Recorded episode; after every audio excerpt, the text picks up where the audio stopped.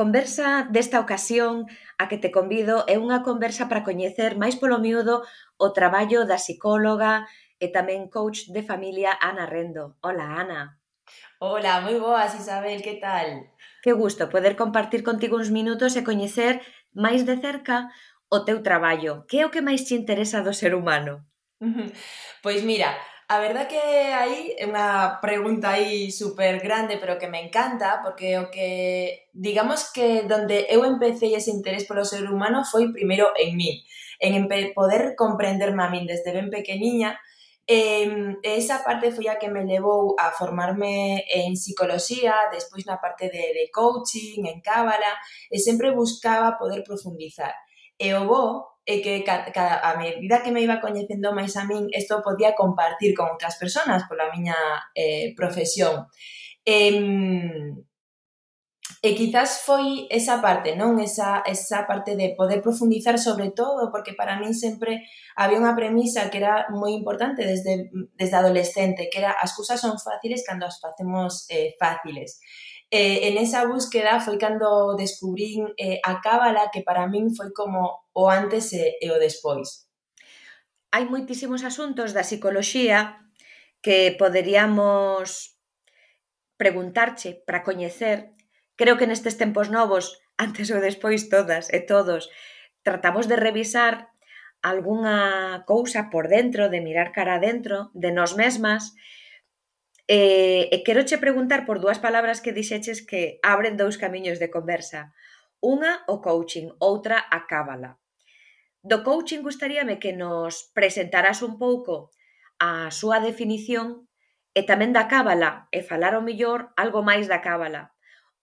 Porque tal vez o coaching sí que temos algunhas referencias que nos chegan a través das redes sociais, pero tal vez estean a súa vez moi contaminadas por certos procesos que vemos o mellor en programas de televisión. Eh, eu polo que coñezo do coaching e das súas ferramentas son verdadeiramente útiles e prácticas. Que é o que ten o coaching, Ana? Pois mira, para min o coaching, e sobre todo cando, cando me formei, me abreu unha nova vía tamén a psicoloxía, porque na formación que, que eu tiña pola universidade se centraba sobre todo en a psicoloxía cognitivo-conductual e a mí me faltaba esa parte máis personal, porque ao final sí que ven de, de alma, non? De esa conexión con, con. E, e me faltaba esa conexión. entonces para min o coaching me acercou a unha parte da psicoloxía, a psicoloxía humanista, que é fundamental, onde ten en conta a persona como un todo. Eu eso o vivín dende o coaching, que se separa evidentemente da psicología, porque evidentemente un psicólogo, sobre todo clínico, pode ir máis alá cando hai un tema de saúde mental, pois aí é un traballo de psicólogo clínico 100%, pero eh, cando hoxe en día estamos nunha sociedade onde eh, outro día escoitaba a unha chica que estaba aí super mosqueada, non? Porque decía, estou cansada eh, de, que, de que me digan, o sea, porque vaya a terapia porque teño problemas, cando realmente o 100% das persoas temos problemas. A diferencia é que as persoas que vamos a un psicólogo, que vamos a terapia, é que queremos resolver os nosos problemas. E, e digamos que anteriormente é como esa resolución de problemas era sempre cando estábamos xa nun, nun momento extremo, non? Xa teño que ir ao psicólogo porque isto está moi mal. E a pouco a pouco esta parte de querer mellorarnos a nos mesmos aquí é onde entra a parte eh, o coaching, que é esta parte onde hai como esa sensación como de frustración, non? De, de inquedanza, onde mm, o que teño non termina de satisfacerme, sei que quero algo distinto, pero non termino de sentirme a gusto, porque es, eh, inda que estou buscando eh, ese resultado, me atopo con unha serie de obstáculos e aí é onde entra a parte eh, o coaching. Eu quixera propoñerche un exemplo para que poidan entender as persoas que agora nos acompañan isto do que falamos. Nestes tempos eu podo ter tristeza, sentir moita tristeza. E se eu son consciente de que a tristeza invade o meu día a día, tal vez teña a determinación e tome a decisión de actuar. E aí unha persoa coach pode axudarme. De non facelo, entón podería chegar a caer máis profundo nunha depresión e tería que ser xa un traballo da miña saúde mental con un psicólogo clínico. Díxeno ben? Sí, mira, cando realmente eh, as emocións, o sea, estamos sentindo continuamente. E isto é algo super importante, non? Porque cando nos formamos sempre nos deron moitos, eh, sempre se, se priorizou a inteligencia intelectual e se deixou de lado outras inteligencias. A inteligencia emocional hoxe en día está gañando moito espacio. E afortunadamente, por qué? Porque as emocións están sempre con nós. Entonces, É natural sentir nun momento determinado tristeza, de feito é importante ter esta intelixencia emocional, a tristeza que ven a ser. E a mensaxe que nos traía a tristeza é perdiches algo. Cando nos sentimos e transitamos esa pérdida, isto é sano. O problema é que nestes temos nestes tempos presentes démonos conta de moitas cousas, situacións que perdemos, non? Eh, volvendo co exemplo sí. da tristeza sí. é natural, é humano, non somos bichos raros. Efectivamente, é algo natural e ademais nos está dicindo, oye, que, que o noso sentir está, estamos aí en conexión. Que pasa? Que a, que a tendencia é como as emocións que non son tan agradables e tendémolas a, a esconder, a tapar, a, a bloquear, non? Porque, bueno, pues cando éramos pequeniños que nos decían non chores, non te enfades, mira que fea te ves. Entonces, o que tendemos a facer é de forma automática, non? o que interiorizamos inconscientemente é a bloquear esa tristeza.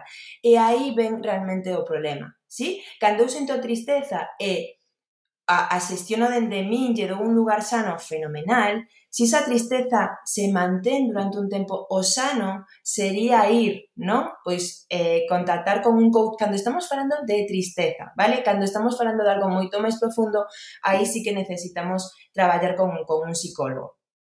Entonces, Que ocorre? Que cando eu lle dou lugar e recoñezo cal é a pérdida, pois, por exemplo, agora, non? Eh, mm, nos últimos tempos temos esa pérdida do contacto social.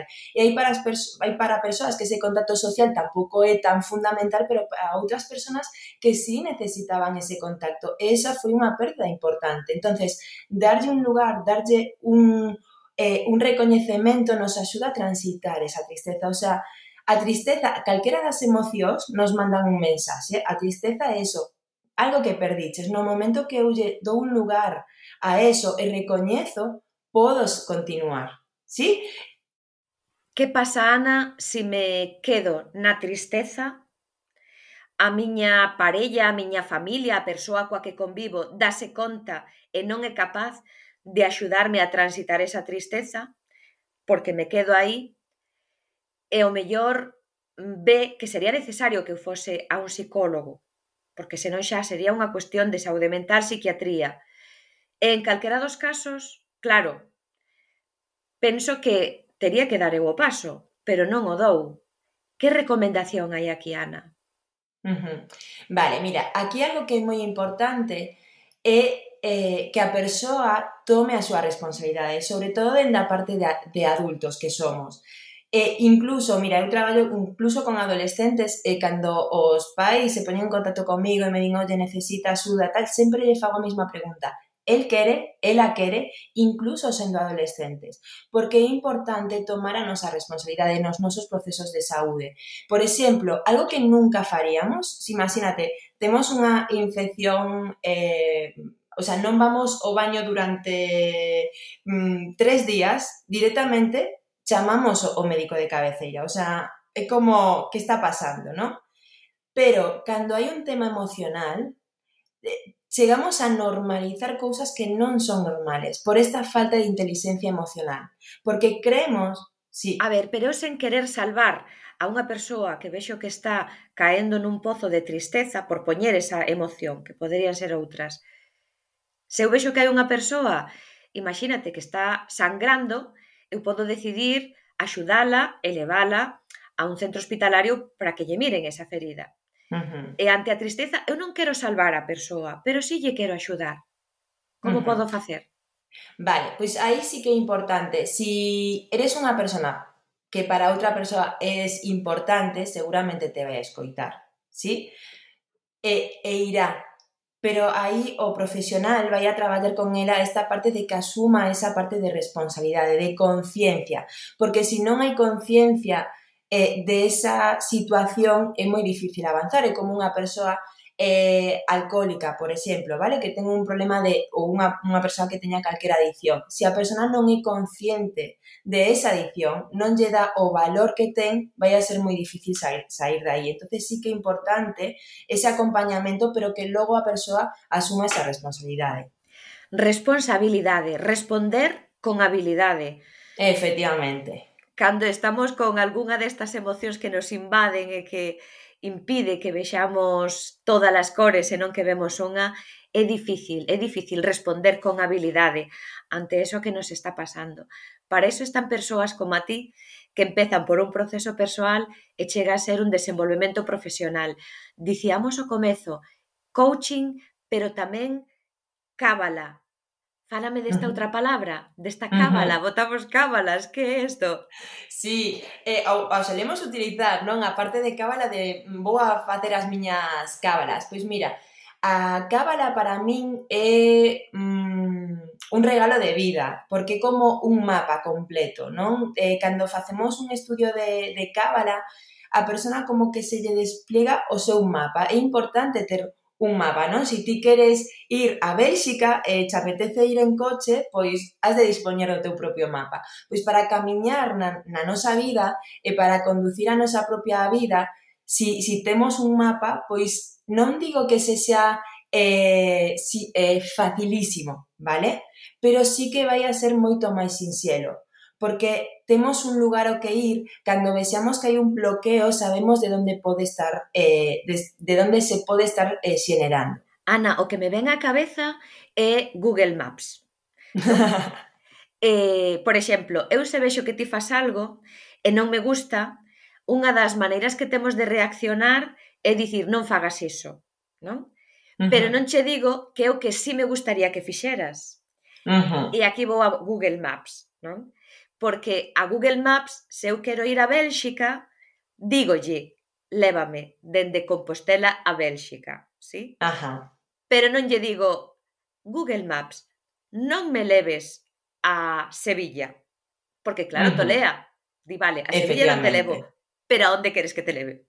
¿No? Claro, sí, efectivamente, cando temos un mapa físico, temos claro, non, que temos que poñer a dirección exacta, porque se si decimos non me leves a, pois seguramente se quedará aí e te quedarás no mesmo, no mesmo sitio. Entonces, eh, este cando, cando temos o noso estudio de, de cábala completo, primeiro, axuda a persoa a, a ter moita máis claridade e lle axuda moito máis a conectar con ela, a deixar de xulgarse, porque tendemos moitas veces eh, a creer que o que vale para min tamén vale para ti e vale para outro. E se a outra persona non actúa desta forma, ui, algo lle estará pasando. E non, o que vale para min, vale para min, porque eu teño eh, pois uns valores, unhas creencias, unha forma de vida específica, e ti pois vas a transitar outro camiño, outros aprendizaxes completamente distintos. E isto, cando tes o teu mapa, o teu estudio de cábala completo, o ves super claro. Entón, as persoas empezan a decir, ostra, que non son un bicho raro por isto, que isto forma parte deste, deste camiño. Así que pode sonar un pouco a chino. E, e dentro desta linguaxe, dis un estudio, un estudio de cábala, que é o que estudiades? En que vos baseades? Na cor de pelo? vale. Na no peso en que? Claro, e que a parte de, de cábala ten moito que ver ca parte espiritual, que para min a parte espiritual moitas veces que eso asociamos a estar aí en modo eh, meditación, e xa, e para min a parte espiritual leva traída os tempos que vivimos hoxe en día, o siglo XXI, é poder levar a cabo as aprendizaxes que temos. Cada persona ten unhas aprendizaxes, por iso cada persona temos uns retos ou uns obstáculos cos que nos afrontamos. Pois hai persoas que lle tocará aprender a marcar límites. Hai outras persoas que saben marcar os límites super ben, pero que o mellor na parte da vocación se perderon por completo. entonces como que esa parte espiritual, cando a temos presente, nos axuda a conectar con cos nosos aprendizaxes e a volver a quenes somos de verdad, a nosa esencia, non? A quenes éramos sendo cativos, que éramos super transparentes e estábamos super conectados. Entonces o que facemos eh, no, no estudio de Cábala a raíz de algo tan sinxelo que parece algo que como fortuito, pero que non é tanto como a data de nacemento o nome os apelidos, porque tamén nos define, non é o mismo nacer nunha familia que nacer eh, noutra, pois dai obtéñense os camiños da persona que ten tres máximo, a estrutura enerxética e, e a imaxe da alma. Para min esta información, eu sempre digo que a cábala é como temos un ADN físico, non? Que, que nos marcan pois que, o, de que color temos os ollos, o noso color de pel e outras condicións. E o estudio de cábala eu o asimilo máis o ADN espiritual, a cales son os aprendizaxes, cales son os retos que vamos a ter eh, nesta vida. Eh, eso sería un pouco así a grandes rasgos. Ou sexa, que a data de nacemento inflúe dentro de como me vou a desenvolver eu como persoa? En que, sí. en que sentido? Dame algunha pista. Pois mira, eh, da data de nacemento, por exemplo, obtemos eh, no estudio de Cábala o que é eh, o camiño de transformación que define eh, a, mm, quenes somos, non? Quenes somos en, en esencia. Eh, e despois na, É dicir, que se eu nacín en xaneiro é distinto a se nacín en xuño ou en setembro? Sí, esto, eh, agora que te estaba escuitando falar, me, me viñan eh, os signos dos, do zodíaco, pero é tan específico como o día. Non é o mismo que naceras o 22 de maio de 1984 a que naceras o 25 de maio de 1984. Seguramente o teu camiño vai a ser diferente, a túa enerxía vai a ser distinta. E ten que ver entón tamén, dicías a familia, supoño que o contexto sociocultural, claro, os anos 80 non é igual que os anos 90.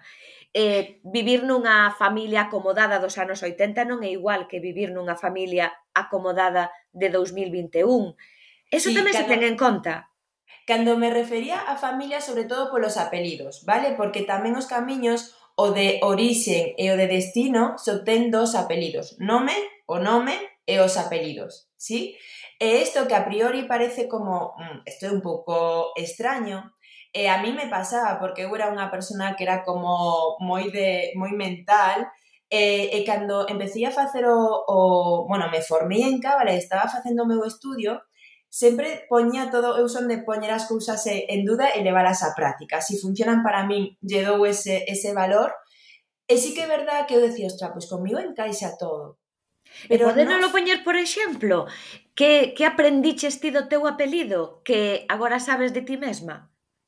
Pois mira, eh, sobre todo máis do, do apelido da, da miña estrutura enerxética. Para min foi o meu grande aprendizaxe e é algo que, que sempre digo, si non chega a ser na estrutura enerxética, E o que se, o que se ve é a raíz, bueno, da, da data de nacimento se quita unha serie de información e na estrutura enerxética o que vemos son os aprendizaxes que trae a persoa.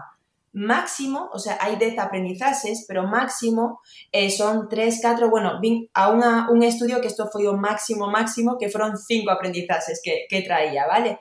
Ti imagínate, xa con 3, 4 aprendizaxes todos os líos que nos montamos na nosa vida como para traer os 10, ¿no? Entonces eh, eu, na miña estrutura enerxética, hai aprendizaxes que, que traemos nesta vida e hai outros que traemos doutra. Claro, esta parte de Cábala ten moitas, eh, moitas eh, bueno, abre como moitos espacios, non? E, eh, e eh, derriba moitas creencias ou mellor que, que, que, que nos limitan. Entonces eu había, tiña tres. Destos tres, dous os traía nesta vida e sin coñecer a miña cámara xa os estaba desenvolvendo gracias a raíz da miña formación en coach e ese traballo personal que había feito, pero había un que era na parte da vocación como que se me resistía. Entonces eu sempre digo que gracias ao meu estudio de cábala eu emprendín. E se non chego a ter o meu estudio de cábala, eu houbera encontrado mil e unha excusas para non emprender, E gracias a facer o meu estudio, darme conta onde estaba realmente, o sea, algo que, que, que traía como aí pendiente da asignatura pendente, porque sempre digo que a vida ten moitísima paciencia, e a maior universidade, e eh, non pasa nada, oye, que non aprendiche esa lección esta vez, xa volvo a poñer con outra persona diferente, noutro contexto, hasta que, que a tomes. E... Estructura enerxética, vocación que aprendes do propio estudo, da cábala e dentro dela do que ten que ver co teu apelido. Wow, Ana, eu estou alucinando. Parecen cousas moi son moi novas para min. Non sei uh -huh. se para quen nos estea escoitando. Entón, como podemos darlle unha credibilidade? Como para dicir, no, non estamos falando en arameo, non son técnicas inventadas por Ana Rendo, uh -huh. senón que teñen unha eficacia dentro de procesos de melloras uh -huh. desto que estamos falando, non? A nivel emocional, a nivel mental. En que momento a cábala a ti che axuda como ferramenta para traballar coas persoas? Uh -huh. Vale, eu primeiro sempre digo, porque esta parte máis espiritual sempre a tenemos como un pouco máis desconectada, sempre digo, cando falo de cábala, escoítame como si entenderas chino, porque sí que ao principio sona esto, sona, sona chino. Entonces, a forma na que traballo a través dun estudio, moitas veces se queda no estudio, donde a persona se leva toda esta información, eu sempre lle digo, agora che toca poñelo en práctica, sempre lle dou tips de como leválo a cabo, e outras veces, pois a persona quere seguir profundizando e é dicir, temos como collemos un mapa que é o estudio e vamos traballando sesión a sesión. Si, por exemplo, ten unha resistencia na estrutura enerxética o que vemos é que cando hai un malestar físico, eu non estou levando a cabo esa aprendizaxe, a forma que ten a miña alma de decirme é que por aí non, este non foi o acordo que habíamos chegado, e a través de ese malestar físico. E sempre, o sea, a persona se queda sempre ca boca aberta como, ah, é que é verdade que me pasa isto. Entonces é como, claro, pois a clave moitas veces non é eh, a, o facernos preguntas nos dá moita claridade. E cando temos claro cales son a, o, o, digamos os aprendizaxes na nosa estrutura enerxética e cal é o malestar físico, vou directamente a raíz. ¿Sí? Si eu, por exemplo, eh, me poño de exemplo a min, teño, por exemplo, na miña estrutura enerxética eh, na garganta, cando eu non poño límites, me afecta a garganta. Entonces eu cando hai dolor de garganta directamente me, me fago a pregunta de onde non estou marcando límites. Pregunta que xa máis me faría se non chego a coñecer o meu estudio. No momento que vou a raíz, xa vou a poder poñer a solución. Isto nos dá moitísima claridade. E isto o traballamos nas, nas sesións. Sí? porque ao final do que se trata é que ante estas aprendizaxes, toma de conciencia da nosa maneira de ser, de pensar, de actuar, que tomemos unha decisión, porque aí sempre temos a liberdade de elixir. Sí. As veces Totalmente. eliximos, outras veces creemos que eliximos, pero non o facemos. Deixamos que a vida decida por nós, e aí é cando ven a, a leche. entón, eso de responder con habilidade, pois tampouco o facemos. Uh -huh. non? E novamente repítense. Quédome con coas ganas de saber isto da estructura enerxética, como interpretas ti dentro do que poida ser, uh, bueno, o a miña propia vida, o meu propio coñecemento de min mesma. Que é a estrutura enerxética, Ana? Uh -huh. Vale, mira, na estrutura enerxética vemos aqueles aprendizaxes que ten a persoa, que son máximo 10, pero eso, que a persona vai a ter 2, 3, máximo 4, 5, 5 xa é demasiado para min. E, e o que traballamos é a un nivel moi profundo, porque os aprendizaxes van dende o tema da vocación, que moitas veces hai persoas, o sea, o, me, recordo xa fai moitos anos, estaba nun traballo no que eu non estaba nada satisfeita, E como se suele decir mal de moito consuelo de, de tontos, pois eu me recordo que entrei en internet a buscar cal era o número de persoas que estaban insatisfeitas co seu traballo e vin que había un 85% e dixen, ah, non son un bicho raro. Con eso me consolei naquel momento. Entonces, un 85% de persoas que non están satisfeitas co, co seu traballo. Co cal, estamos bloqueando por, por completo o, o, eu creo que todos vimos aquí con un don, non? E, e ese don eh, pode ser a nivel profesional ou, ou pode ser a outros niveles. Para mí, por exemplo, miña nai ten un don grandísimo que o de coidar, o sea, ten unha capacidade de, de, de axuda impresionante. Entonces, dende o tema da vocación, pois para unha persoa que non se sinte satisfeita co seu traballo, que importante é conectar co que a el lle fai feliz. E aí hai que traballar moito o tema da confianza, o tema do valor personal, porque moitas veces estamos tan desconectados que creemos que non podemos. Eso solamente na parte da vocación. Eh, despois hai outro aprendizaxe que na parte da aceptación, que moitas veces non nos aceptamos ou, ou hai algo que non nos terminamos de perdonar. entonces aí é cando vamos e profundizamos, non? Isto que o mellor aquí queda como moi superficial nun traballo personal e moi, moi, moi profundo. Wow, aceptación, perdón, vocación, aquí hai moito traballo que facer, Ana Rendo como psicóloga e con formación en coaching e tamén en cabalística.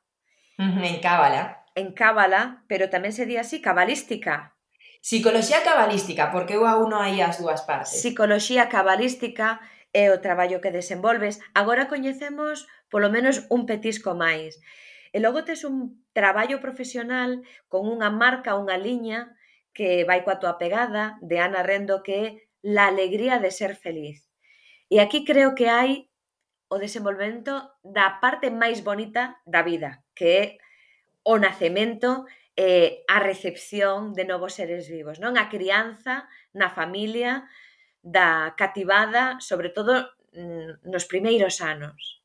Sí, totalmente. Para min, eh, como decía, non a parte mm, personal sempre foi unida á parte profesional e, e a raíz de que fui mamá como que completei esa parte de, de, de, de acompañamento personal en adultos a parte eh, dos papás e das mamás, porque me din conta do importante que o sea, como que cando eh, estamos embarazadas ou cando nos imaginamos en ser mamás ou ser papás, nos imaginamos como vai a ser a relación cos nosos fillos e de repente, boom, nos damos de bruces coa realidade e todo eso que nos imaginábamos é como é como nos imaginamos, ¿no? Que vamos a estar super caos, que vai haber moitísimo amor, que bonito todo, e de repente chega a realidade e como que hai máis pois máis enfados, máis gritos, máis é como que hai como dous trenes, non? E de repente, en vez de nutrir o que queremos, estamos indo para para outro lado. E, e aquí tamén tendemos a reaccionar e queremos responder. Como papá queremos dar unha resposta, asumir a nosa responsabilidade. entonces aí me din conta do traballo tan importante que primeiro é facer esa toma de conciencia en nós, sanar certas heridas, porque cando reaccionamos cos nosos fillos é porque ao mellor nos están tocando por mm, certos botóns ou certas bolas, como me decía unha clienta nunha ocasión, e cando sanamos, porque ao final os, os fillos son grandes maestros, non? entonces nos axudan tamén a vida nos está levando sempre continuamente a eso, a aprende, o sea, aprende a vivir, aprende a, a ser feliz, pero ser feliz non desde a parte de Mr. Wonderful, desde palabras bonitas e xa está, no, ser feliz desde dentro, porque moitas veces nutrimos tanto o exterior, buscamos esa felicidade fora, cando realmente a felicidade sempre está, está dentro, e, e aí a donde temos que, que ir. Eh, da miña experiencia como nai e desto que estás contando, cada día Eu teño dous fillos que supoñen dúas fontes de aprendizaxe, por isto que ti dis, que tocan e din e reaccionan e imitan cousas propias que me gustan e outras que non. Eu quixera pechar esta primeira conversa contigo, Ana, con dúas reflexións que me gustaría incluir. Unha delas é que eu non sei se caemos o mellor nesa tónica moitas mamás e papás de o mellor de desafogo cando quedamos con outras mamás e papás de dicir pois todas as penalidades que pasamos como nais e pais e eso afecta a persoas que están no momento de plantexarse ser nais ou pais e din buf con todo ese jaleo que estás dicindo que che pasa non me animo nada a ser mamá a asumir ou, ou proxectarme como nai. E a min eso preocúpame, que o mellor o, a comunicación que facemos as mamás de cara ao exterior finalmente sexa daqueles atrancos que temos no día a día. Ti como ves eso? Pois mira, me leva como a dúas ideas que, que te escoitaba falar. Por unha parte, é moi importante este traballo personal, non de coñecernos, de tomar esas decisións que ti falabas antes. Outro día había unha frase que como clave, Decisións fáciles, vida difícil, decisións difíciles, vida fácil. Sí? E en esta parte de coñecernos é super importante, o sea, cando unha mamá ou un papá se plantea ser papá ou mamá polo que outros me contan, ui, pois o mellor non teño tan claro se si quero ser mamá ou papá, non? E, eh, e, eh, e logo, eh, querer ser mamá ou ser papá eu creo que é o acto de amor máis grande, pero tamén é o acto de responsabilidade máis grande, porque en calquera ámbito da nosa vida, a nivel profesional, de amistades, no momento que ti hai algo que non che gusta, podes coller e decir, veña, me, me vou, cambio e fago... Eh, pero, de feito, eu sempre explico o compromiso dende o ser mamá e papá, non? Porque cando empezamos un proxecto, moitas persoas están super motivadas, e empezan con moitas ganas e de repente, cando non obtén ese resultado que quere, boom, non? Como que se apaga esa chispa e xa cambio de, de, de lugar. En cambio, que necesitamos cando empezamos algo de compromiso. E isto é o que teñen as mamás e os papás, que están comprometidas cos seus fillos, porque cando son pequenos e o mellor se pasan horas sin, sin dormir, están comprometidos, non collen ese largo. Estarían desexando, pero están compro, tan comprometidos cos seus fillos que buscan a forma de como axudar, de como facer cando son adolescentes e teñen problemas e, e demais. Entonces, os papás e as mamás ao final é asumir ese compromiso, ese compromiso de vida e tamén ver tamén esa parte bonita, pero tamén ten esta parte de aprendizaxe, no? que nos conecta moito coas nosas sombras. Ana, na historia da evolución humana, non viñeron nunca os fillos nin as fillas con libro de instruccións. Uh -huh. Utilizamos as habilidades e ferramentas que puidemos, falando de xeracións xa pasadas, dos nosos antepasados, das nosas antepasadas, entendo que aí hai aprendizaxes que aparecen tamén no día a día cando temos ante nós ese desafío sen libro de instruccións en o que seguro queremos revisar, como nos foi como fillas e como queremos que nos vaia como nais, que entendo que por aí vai un pouco esa, ese traballo, esa filosofía do traballo en familia e da crianza consciente que desenvolves no teu traballo, non, Ana? Sí, totalmente. E tamén, hoxe en día, esta parte que o mellor nos anos 80 ou 60 non era posible, hoxe en día estamos, eh, eu creo que estamos na era da información, e que eh, unha cousa é estar sobreinformados, outra cousa é estar informados, e cada vez, eh, tanto docentes como papás e mamás, se interesan moito máis, se ocupan, máis que preocuparse, se ocupan por ver unha forma distinta, porque é verdad que temos un bagaxe anterior, pero podemos facer dunha forma diferente, e hai maneiras. E cando temos estas claves que, que son sinxelas, a hora de, de coñecelas. Outra cousa é na parte práctica, sí? Porque unha cousa é a teoría e logo elevalo á práctica. Pero cando o temos é cuestión de poñelo en práctica é posible. Eu, en esta parte tamén é unha parte que me apasiona un montón e que estarei encantada de, de, de compartilas contigo, Isa. Pois o gallá teñamos máis ocasións. Non quero pechar esta conversa sen unha reflexión final pola túa parte do que agora pouco a pouco debullamos, pero sendo consciente para min, de verdad, é un pouco o significado destas conversas de poder aportar algo a través destes podcast a viva voz galega nuns tempos nos que tal vez nos falten boas ferramentas no sentido de que a hora de pensar en mirar cara dentro, do crecemento persoal, de resolver certas emocións que nos invaden e que parece que se queren bloquear. Hai moita información, pero ao final é tanta que debemos escoller a boa eh, a persoas que verdadeiramente teñen algo que contar neste sentido que sodes as voces protagonistas deste podcast. Ti como ves esta realidade? Ves, a, ves que estamos moi perdidas, moi perdidos, que son difíciles estes momentos? Hai saída? Cantas preguntas. Bueno, pois mira, eu creo que como todo, calquer momento retador eh, nos nos pode dirixir hacia, hacia dúas partes, non? Hacia dous camiños. O camiño de o bloqueo, non quero mirar e sigo de forma automática nese malestar, eh, es, esa parte de mellor malo coñecido que vou por coñecer, ou hai outras persoas que din veña agora, o sea, ou agora ou nunca, e aí é o momento de, de pedir axuda. Entonces, algo que é super importante que a persoa cando vai a pedir axuda que se sinta a gusto, cómoda coa profesional que, que está traballando. Si, si non se sinte, si hai algo que pois non pasa nada, busca a outra. Non, o sea, o bo desta eh, diversidade, desta variedade que non hai un único profesional, hai moitos profesionais. E algo que é super importante eu eh, a reflexión que faría é coñécete porque cando eh, a ti che preguntan ou a calquera de nós nos preguntan eh, por, unha, por un mellor amigo nos comenta que está pasando un mal momento, temos super claro como acompañalo, temos super claro como apoyalo. E que facemos con ese amigo? O observamos, o, o escoitamos, É iso mismo que necesitamos empezar a facer con nós, tratarnos como a ese mellor amigo, empezar a observarnos, empezar a escoitarnos e desde aí nos vamos a empezar a falar dende un lugar moito máis amoroso e moito máis respetuoso. Que amor eres, que luz tes, Ana. Gracias. Se te descubre alguén, algunha das persoas que escoiten a nosa conversa nas redes sociais, como poden localizarte, encontrarte? Vale, pois en Instagram estou como arroba la alegría de ser feliz ou tamén en esta liña nova que, que abrín, que me atrevín por fin eh, a darme a coñecer a través de Ana Psicología Cabalística.